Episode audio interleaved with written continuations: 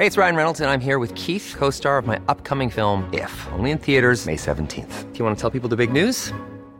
All right, I'll do. Sign up now and you'll get unlimited for $15 a month in six months of Paramount Plus Essential Plan on us. Mintmobile.com slash switch. Upfront payment of $45 equivalent to $15 per month. Unlimited over 40 gigabytes per month. Face lower speeds. Videos at 480p. Active Mint customers by 531.24 get six months of Paramount Plus Essential Plan. Auto renews after six months. Offer ends May 31st, 2024. Separate Paramount Plus registration required. Terms and conditions apply if rated PG. I'm Sandra, and I'm just the professional your small business was looking for. But you didn't hire me because you didn't use LinkedIn jobs. LinkedIn has professionals you can't find anywhere else, including those who aren't actively looking for a new job but might be open to the perfect role, like me. In a given month, over 70% of LinkedIn users don't visit other leading job sites. So if you're not looking on LinkedIn, you'll miss out on great candidates like Sandra. Start hiring professionals like a professional. Post your free job on linkedin.com/people today. Since 2013, Bombas has donated over 100 million socks, underwear, and t-shirts to those facing homelessness. If we counted those on air, this ad would last over 1,157 days. But if we counted the time it takes to make a donation possible, it would take just a few clicks. Because every time you make a purchase, Bombas donates an item to someone who needs it. Go to bombas.com slash ACAST and use code ACAST for 20% off your first purchase. That's bombas.com slash ACAST, code ACAST. Du lytter til en podcast fra TV2.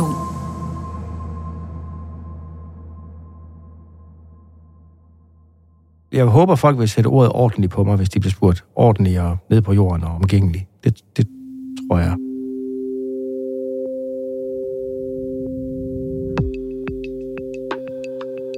Søren Pape Poulsen, partiformand for det konservative Folkeparti, er død.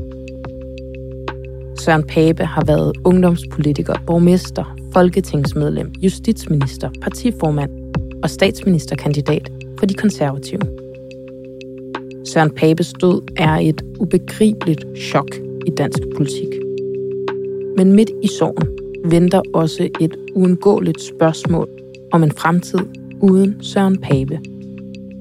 I det her særafsnit af Dato taler jeg med politisk kommentator Nils T.H. Dahl om Søren Pape Poulsen og det aftryk, han har sat i dansk politik. Mit navn er Andrea Dragsdal.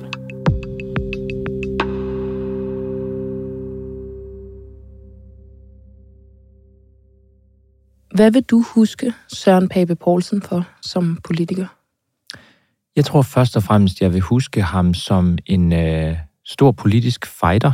Øh, han øh, kæmpede sig gennem øh, øh, flere øh, hårde kriser, øh, tror jeg, end øh, vi sådan øh, til daglig måske lige var øh, opmærksom på, og han, øh, han bed sig øh, hårdere fast, end han egentlig fik anerkendelse for. Niels T.H. Dahl, politisk analytiker ved Jyllandsposten, og med i dato i dag til at mindes og ære og tale om Søren Pape Poulsen. For få dage siden, der mødtes du med Søren Pape for sidste gang. Hvad talte I om? Jamen, øh, det var sådan en øh, kop kaffe på hans øh, kontor, hvor vi, øh, jeg havde spurgt, om vi ikke bare kunne snakke om øh, sådan, sådan lidt forskellige ting, der, der kørte på borgen, som vi snakkede om. Øh, men en af de ting, som ligesom slog mig, det var, øh, at han var i et forrygende øh, humør, øh, fuld af kampgejst.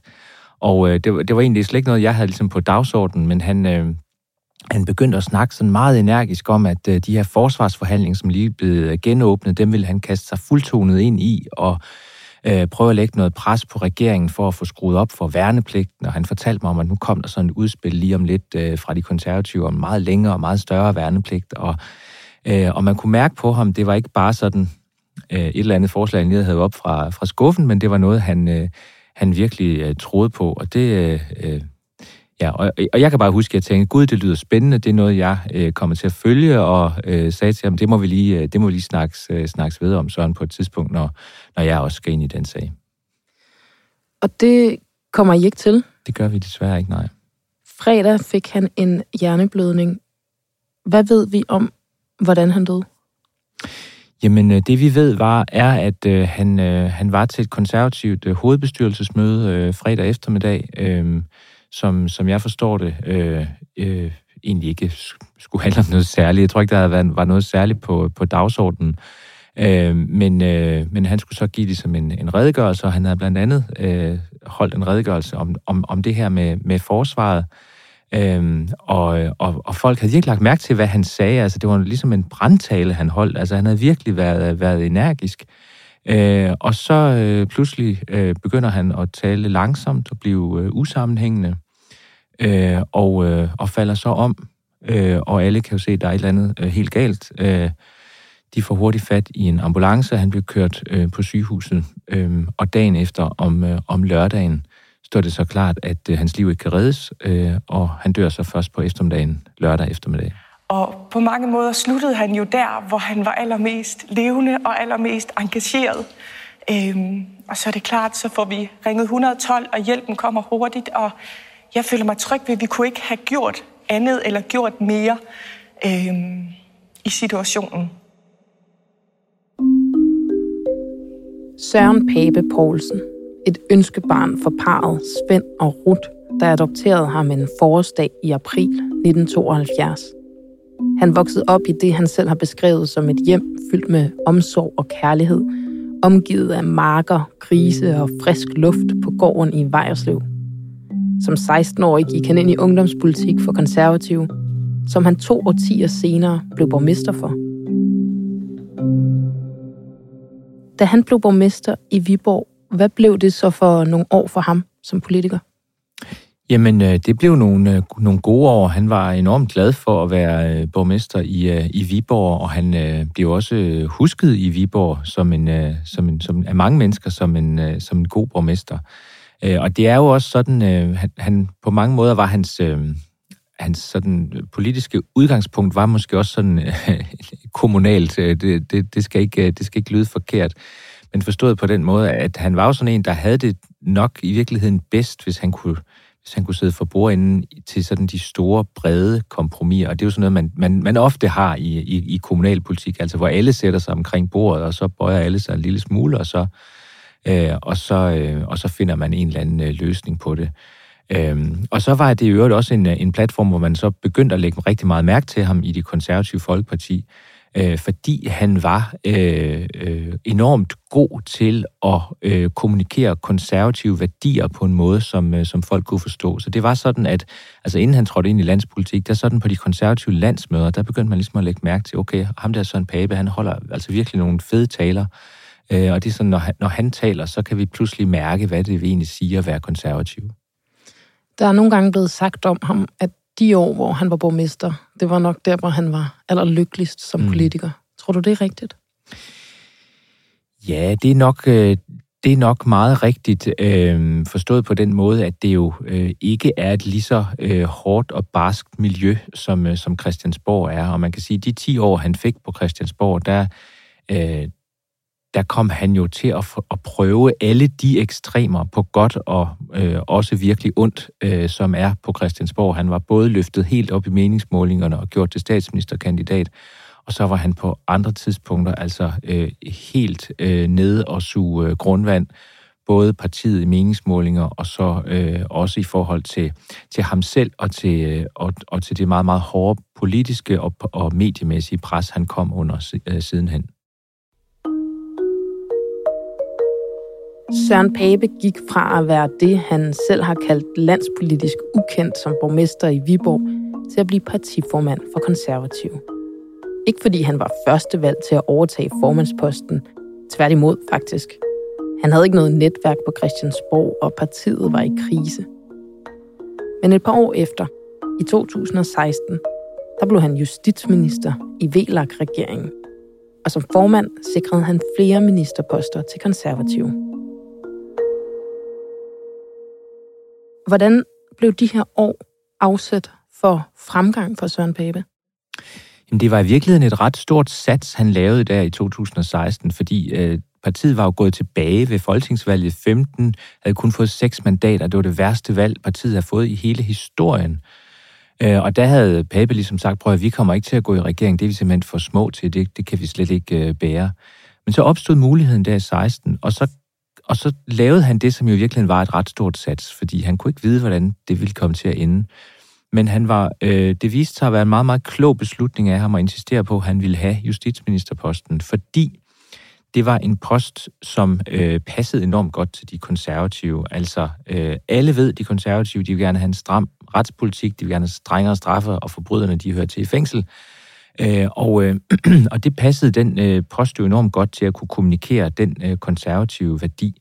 Og det havde også den fordel, at det var ikke, der var mange ting, den Vlak-regeringen var uenige om. Men lige præcis retspolitikken, der var ikke rigtig noget, øh, som partierne var uenige om. Og det vil sige, at han kunne øh, i virkeligheden hele tiden være ansigtet på, på de områder, hvor regeringen rent faktisk kunne være, kunne være offensiv. Og han skulle ikke stå og forsvare øh, alle mulige sager, som han måske i virkeligheden ikke selv troede på.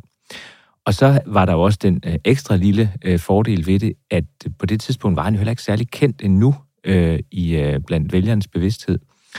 Og, øh, og justitsministerposten det er en synlig post, og det vil sige, at han simpelthen også kunne bruge den sådan helt målrettet til, at, at danskerne kunne lære ham at kende. Men du siger også, at i de her år, der viste han, at han har en anden side end den der bløde side, som vi skal tale om om lidt, mm. og som mange siger, de vil huske ham for at have kendetegnet ham. Ja, altså, øh, han var jo et menneskeligt blødt menneske, tror jeg vil sige, men han var jo ikke politisk blød. Altså, han, øh, han gik ind for rigtig meget, sådan, øh, som nogen vil kalde sådan noget lidt barsk politik, ikke? Altså, øh, forbryderne skal i fængsel, og øh, udlændingepolitikken skal være stram, øh, Christiania skal ryddes, og... Øh, øh, hvis vi taler udenrigspolitik, altså så holder han med amerikanerne, og han holder med Israel i øh, den krig, der kører i øjeblikket osv han havde masser af, af, af, af hård politik, så på den måde var han, var han ikke en blød politiker. Jeg tror, når, når, når folk taler om ham øh, som blød, så er det nok først og fremmest i virkeligheden som menneske. De her år, de blev så afsat for sådan en stigende succes. Mm. Prøv at tage os med tilbage og, og minde os om alt det, der skete, altså alt det, der, der virkelig virkede som en helt vild fremgang og Jamen altså, øh, tiden der som minister, øh, den, den, den gav ham en, en, en vis fremgang, men det var jo sådan set først øh, efter valget i 19, der, da der virkelig begyndte at være krise rundt omkring i det borgerlige Danmark, at, øh, at han virkelig skød frem. Øh, og der var jo øh, der var jo ildebrand i rigtig mange øh, borgerlige partier, Liberal Alliance, Dansk Folkeparti og, og, og sidenhen Venstre. Og det vil sige, at der var mange borgerlige vælgere, som ligesom følte sig hjemløse. Og der stod Søren Pape altså ligesom tilbage som det der sådan helt rolige, borgerlige anker og siger, jamen her, her har vi sådan noget klassisk borgerlig politik, som folk kan forstå. Kom, stem roligt øh, på mig. Og det var der så rigtig mange, der gjorde. Øh, og øh, øh, efterhånden så blev de konservative det største borgerlige parti i, øh, i meningsmålingerne. Øh, og, øh, og Søren Pape blev i virkeligheden øh, lige pludselig gjort til sådan et øh, politisk øh, brand, som der jo ikke er ret mange politikere ellers, øh, der bliver. Du ved, det er sådan nogle... Øh, Inger Støjberg er et brand, og Mette Frederiksen er i et vist omfang også et brand, men ellers er det lidt sjældent. Men, men Pape blev det også, ikke? Og der blev lavet, jeg tror, der blev lavet sådan nogle kravlenisser med, med Søren Papes øh, ansigt på, og uh, der blev lavet sådan nogle sjove, øh, ja, sjove billeder, sjove figurer øh, i, den konservative, i det konservative folkeparti, og man taler om Pape Power, og Øh, så det var sådan øh, en tid, nogle år, hvor det, hvor det virkelig gik fremad, og hvor, øh, hvor, hvor det jo så også, hvor de konservative så også begyndte at drømme om, at den der gamle drøm om at kunne indtage statsministerposten igen, som man kun havde haft én gang under Poul Slytter, tænk sig, hvis vi kan gøre det igen. Tænk sig, hvis vi kan blive det store borgerlige parti en gang til. Jeg vil gerne snakke lidt med dig om Pape som menneske også. Hvad vil øh, den private side af Søren Pape Poulsen blive husket for? Altså alle, øh, som kendte ham godt, øh, de har jo nærmest kun øh, positive ting at sige om ham øh, som menneske. Altså et øh, sådan et, øh, et kærligt og rundt og varmt og, og opmærksomt menneske. Og jeg tror egentlig også, altså jeg jeg, jeg var jo ikke sådan øh, personligt tæt på ham på, på den måde, men jeg tror egentlig alle, som, alle os, som har haft med ham at gøre i en professionel kontekst, egentlig har øh, det samme øh, indtryk. Altså altid, øh, øh, altid rar og, og behagelig at, at tale med, og i øvrigt også altid øh, rigtig meget til rådighed. Du har også kaldt ham en fornyer. Hvorfor det? Ja, altså, øh, det var han jo på nogle punkter. Altså, øh, på mange måder var han jo en klassisk sådan gud, konge og fædreland øh, konservativ, men så på andre måder, så fornyede han jo også, hvad det vil sige at være konservativ, øh, også sådan via sin egen, sin egen baggrund. Han var jo den første øh, partileder i Danmark, som var sådan åbent erklæret øh, homoseksuel. Øhm, og det var egentlig ikke noget, han sådan øh, havde egentlig super meget lyst til at tale om, og det var ikke noget, han sådan egentlig selv havde lyst til at melde ud. Men da det så ligesom øh, faldt sådan, at han godt vidste, det ville komme frem under alle omstændigheder, så gjorde han det, og så gjorde han det egentlig med rank ryg, og sådan uden at kigge sig tilbage. Og, og, og Christiansborg kan jo godt være et, et øh, Christiansborg kan jo være et rigtig, rigtig barsk sted, og en konservativ partileder, der er øh, homoseksuel, øh, det øh, kan godt give øh, anledning til rigtig mange øh, upassende vidigheder, sådan rundt omkring i de andre partier. Øh, og øh, det vidste øh, Søren Pape selvfølgelig godt, at de var der, men han lod sig aldrig sådan rigtig øh, gå på af det, øh, og han, øh, da, da det først ligesom øh, var fremme, så, så skjulte han det egentlig aldrig, eller skruede øh, sådan øh, ned for det. Øhm, og det øh, kan man sige, det er jo også en, det er jo en ny og en anden måde at være konservativ partiformand på, end, øh, end vi har set tidligere. Men jeg synes måske også, det siger noget, og igen om hans fightergen, ikke? At, han, øh, at han til synligheden tænkt, ja, det kan da godt være, at, øh, at der er nogen, der går øh, og, og siger lidt sådan ude i, ude i krone, men det gider jeg faktisk ikke lade mig øh, røre af. Der er noget lidt særligt over, hvordan du taler om Søren Pape Poulsen, som en, der også havde et stærkt fightergen. For noget af det, som mange har beskrevet ham som, også han selv, siger, er, at øh, han som leder var karakteriseret af en sådan lidt blødere lederstil, end man ellers ser i toppolitik. Jeg er jo ikke sådan typen, der bare siger, at nu skal folk sættes på plads, og nu skal jeg banke i bordet og sådan noget. Det er slet ikke min tænkning, og jeg synes også, øh, det er heller ikke min ledelsesfilosofi. Øhm, måske vil nogen også sige, hvorfor skal han tænke så længe over det? Øhm, jeg har temperament, men, men, men det er sjældent, folk mærker det. Hvordan kom det til udtryk? Jamen, det er også rigtigt, øh, og jeg tror øh, først og fremmest, man kan sige, at han som leder, hans, hans, hans, hans vanskeligste sider som leder var nok i virkeligheden, at han, øh, at han nogle gange kunne være sådan lidt, øh, lidt ubeslutsom, øh, lidt tøvende. Altså, der, det tog lang tid at få, at få, truffet, de, at få truffet de rigtige beslutninger. Øh, og øh, i sådan et politisk parti, øh, der kan det jo nogle gange være sådan, at hvis ikke der bliver udstukket en klar retning hurtigt fra, fra øverste hold, jamen så begynder folk at løbe i alle mulige retninger, og så kan det være, så kan det være svært at, at holde styr på. Så det var også en udfordring for ham? Ja, det var det da, det var det da i, i, øh, i høj grad. Øhm, øh, og det er klart, så der nu der i dag, øh, i de her dage, der er jo mange, der siger, jamen det var øh, rigtig fint, og det var en moderne ledelsesstil at, at være inddragende og sådan noget. Og, og det kan også godt være, at det er det på sådan et rent personalemæssigt øh, niveau. Men i politik øh, skal der jo nogle gange altså hårde beslutninger til, og de hårde beslutninger skal man, skal man træffe øh, sådan forholdsvis hurtigt. Det hører med til historien, synes jeg, at øh, han, øh, det kan godt være, at han tænkte længe hårdt, men, men han var faktisk i stand til at træffe i hvert fald nogle hårde beslutninger, Øh, bare sådan lige et enkelt eksempel, øh, da øh, de konservative stemte for at øh, sende Inger Støjberg i, øh, i rigsretten øh, i forbindelse med en instrukssagen. Øh, det var en beslutning, som øh, han kom frem til var politisk nødvendig for de konservative, men den var jo personligt ekstremt svær for ham, fordi han øh, var meget gode venner med, med Inger Støjberg. Så det, man sige, det var et sted, hvor han traf en, en svær beslutning, hvor han satte øh, politik over det personlige. Der var den her tid, hvor det gik rigtig godt, mm. og stadig bedre og bedre for Søren Pape. Og så krakkelerede det. Han måtte slukke statsministerdrømmen. Og partiets nedtur er blandt andet blevet kædet sammen med den her lidt mere bløde politiske side af Søren Pape Poulsen. Er du enig i det? Jeg tror, hvis man sådan ser tilbage på, hvad det var, øh, der gik galt i den valgkamp, så tror jeg, man kan sige, at der er to ting. Og jeg tror, at den, den vigtigste, tror jeg, handler om, at Søren Pape ikke havde fået gjort de konservative politisk klar til den meget, meget store udfordring, det er at skulle gribe ud efter statsministerposten. Øh, de havde sådan en, øh, en økonomisk plan, det gik til valg på, men den var, øh, den var skudt lidt ved siden af. Den blev på en eller anden måde alt for øh, blå.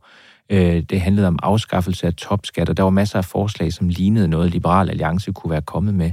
Øh, og i virkeligheden var den alt for blå for de fleste blå vælgere, øh, og, og, og i virkeligheden også for de, øh, for de konservative. Så jeg, jeg tror, man må sige, at han havde ikke ligesom fået, fået lavet et, et tilstrækkeligt offensivt grundlag til at kunne gribe ud efter øh, statsministerposten. Og så var der jo altså så også de her øh, personligt meget vanskelige sager, som handlede om Søren Papes øh, mand, øh, som øh, jo... Øh, historien gik på, at øh, han havde talt usandt øh, om øh, både sin øh, religiøse baggrund og sin familiemæssige baggrund, øh, og det var nogle oplysninger, som Søren Pape havde videregivet, og derfor så smittede den manglende troværdighed jo, jo af på Søren Pape. Og det var jo nogle sager, man kan i bagklodskabens lys sige, dem, dem burde et statsministerparti have luet ud på forhånd. Og øh, man må også sige, at jeg tror noget af det, der, der knækkede øh, øh, nakken på statsministerdrømmene, var også, at der var mange vælgere, der, der måske sad og kiggede på det og sagde, jamen det kan godt være, at det ikke er så meget sagen i sig selv, men det virker ikke rigtigt til, at han er i stand til at håndtere det på den rigtige måde midt i den her valgkamp. Og det tror jeg, man skal være opmærksom på, at vælgere, de har sådan meget, de, de kan godt mærke, hvis der er politikere, som sådan i håndteringen af sager øh, måske mangler det der sidste gear, som er nødvendigt for at være statsminister, hvor man jo skal kunne håndtere de aller, aller, aller sværeste sager. Så, så i virkeligheden tror jeg måske, at, at, at det, som gjorde, at Søren Pape ikke blev statsminister, det var, at vælgerne så på det der, der skete, og så sagde de, okay, det er han, øh, han er måske ikke helt op på det der allerøverste niveau, som statsministerkandidat skal være. For, for det slider at have det job, jeg har. Altså, det slider på mm. krop og sjæl og sind. Øh, det gør det. Gennem de seneste år har vi set flere toppolitikere reagere på det pres, der er i politik. Flere har været syge, også akut. Efter Søren Papes død skrev Lars Løkke Rasmussen på Instagram. Jeg kan ikke befri mig fra tanken om, at det er resultatet af et sammenstød mellem et for hårdt politisk miljø og en kærlig sjæl.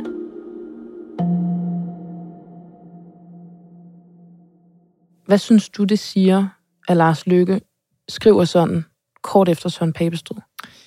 Jamen, jeg synes da ikke, det er underligt, at øh, det er en tanke, som øh, han og formentlig også øh, rigtig mange af os andre øh, får.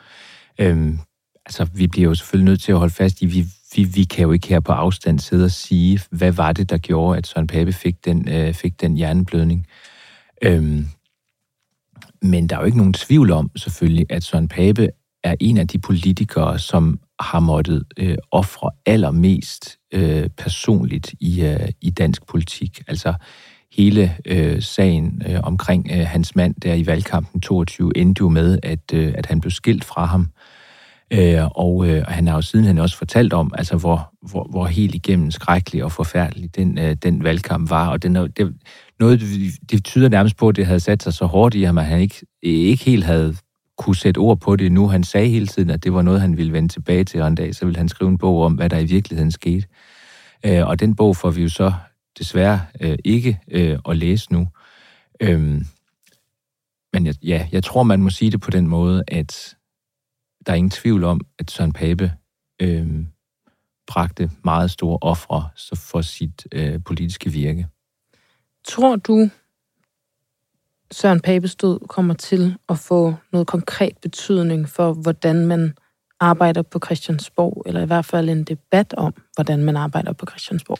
Jeg er sådan set ikke i tvivl om, at der skal nok komme en debat om det, og det tror jeg sådan set bliver, øh, når, øh, når nu sådan det første chok har lagt sig, og øh, og de konservative også øh, sådan kommer lidt videre, så er jeg sådan set ikke i tvivl om, at det bliver, at det bliver en debat, der kommer til at være øh, på Christiansborg, øh, både i det politiske miljø og i mediemiljøet. Øh, øh, hvis du spørger mig, om jeg tror, at det er noget, der for alvor kommer til at ændre på den måde, dansk politik øh, kører på, og det pres, som politikere er under, øh, så tror jeg bare, at mit øh, kølige og kyniske svar vil være, at øh, det tror jeg ikke, det gør. Æh, fordi politik er kamp om den ultimative magt øh, i Danmark.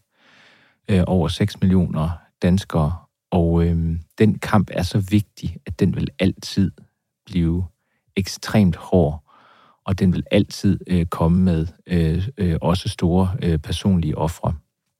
Og, øh, og, nu, og nu har Øh, øh, nu, nu sidder vi og taler om, øh, om Søren Pape og de store personlige ofre, øh, han, han har bragt. Øh, kigger vi tilbage i Danmarks historien, så, øh, så er der jo mange andre eksempler også på øh, store danske politikere, som, øh, ja, som har, har brændt hele deres liv af, om jeg så må sige, på, øh, på Christiansborg. Altså Jens Otto Krav, H.C. Hansen, Hans Hedtoft, sådan nogen.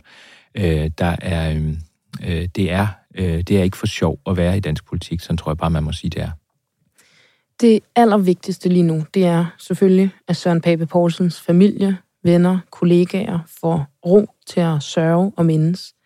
Men der venter et ret uundgåeligt spørgsmål om, hvad Søren Pape stod vil betyde for dansk politik, mm. og helt specifikt for det konservative Folkeparti. Hvem skal overtage? Jamen, øh, mit bedste bud er, at øh, det bliver den nyvalgte gruppeformand, der hedder Mona Jul.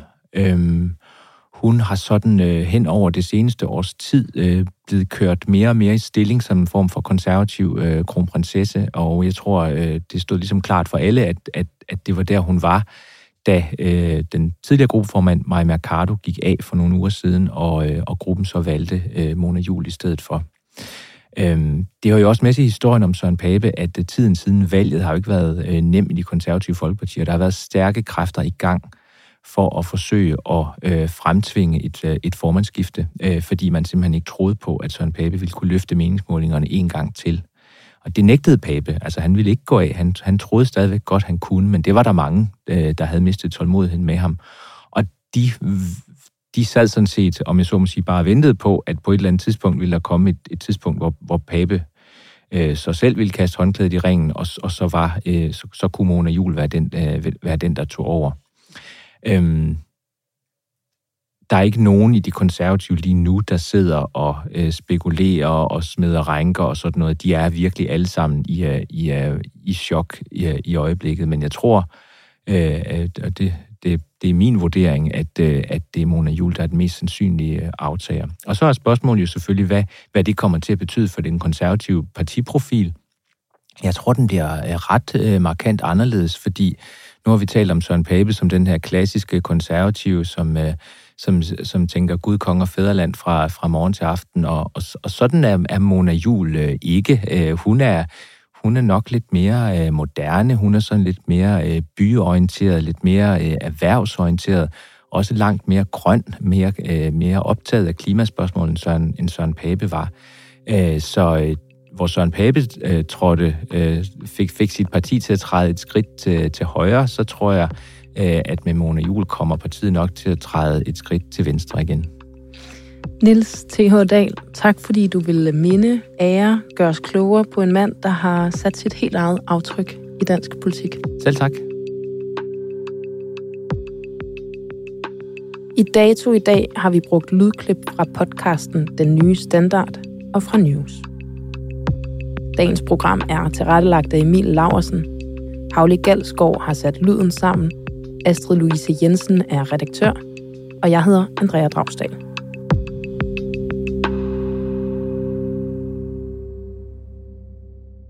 Du har lyttet til en podcast fra TV2.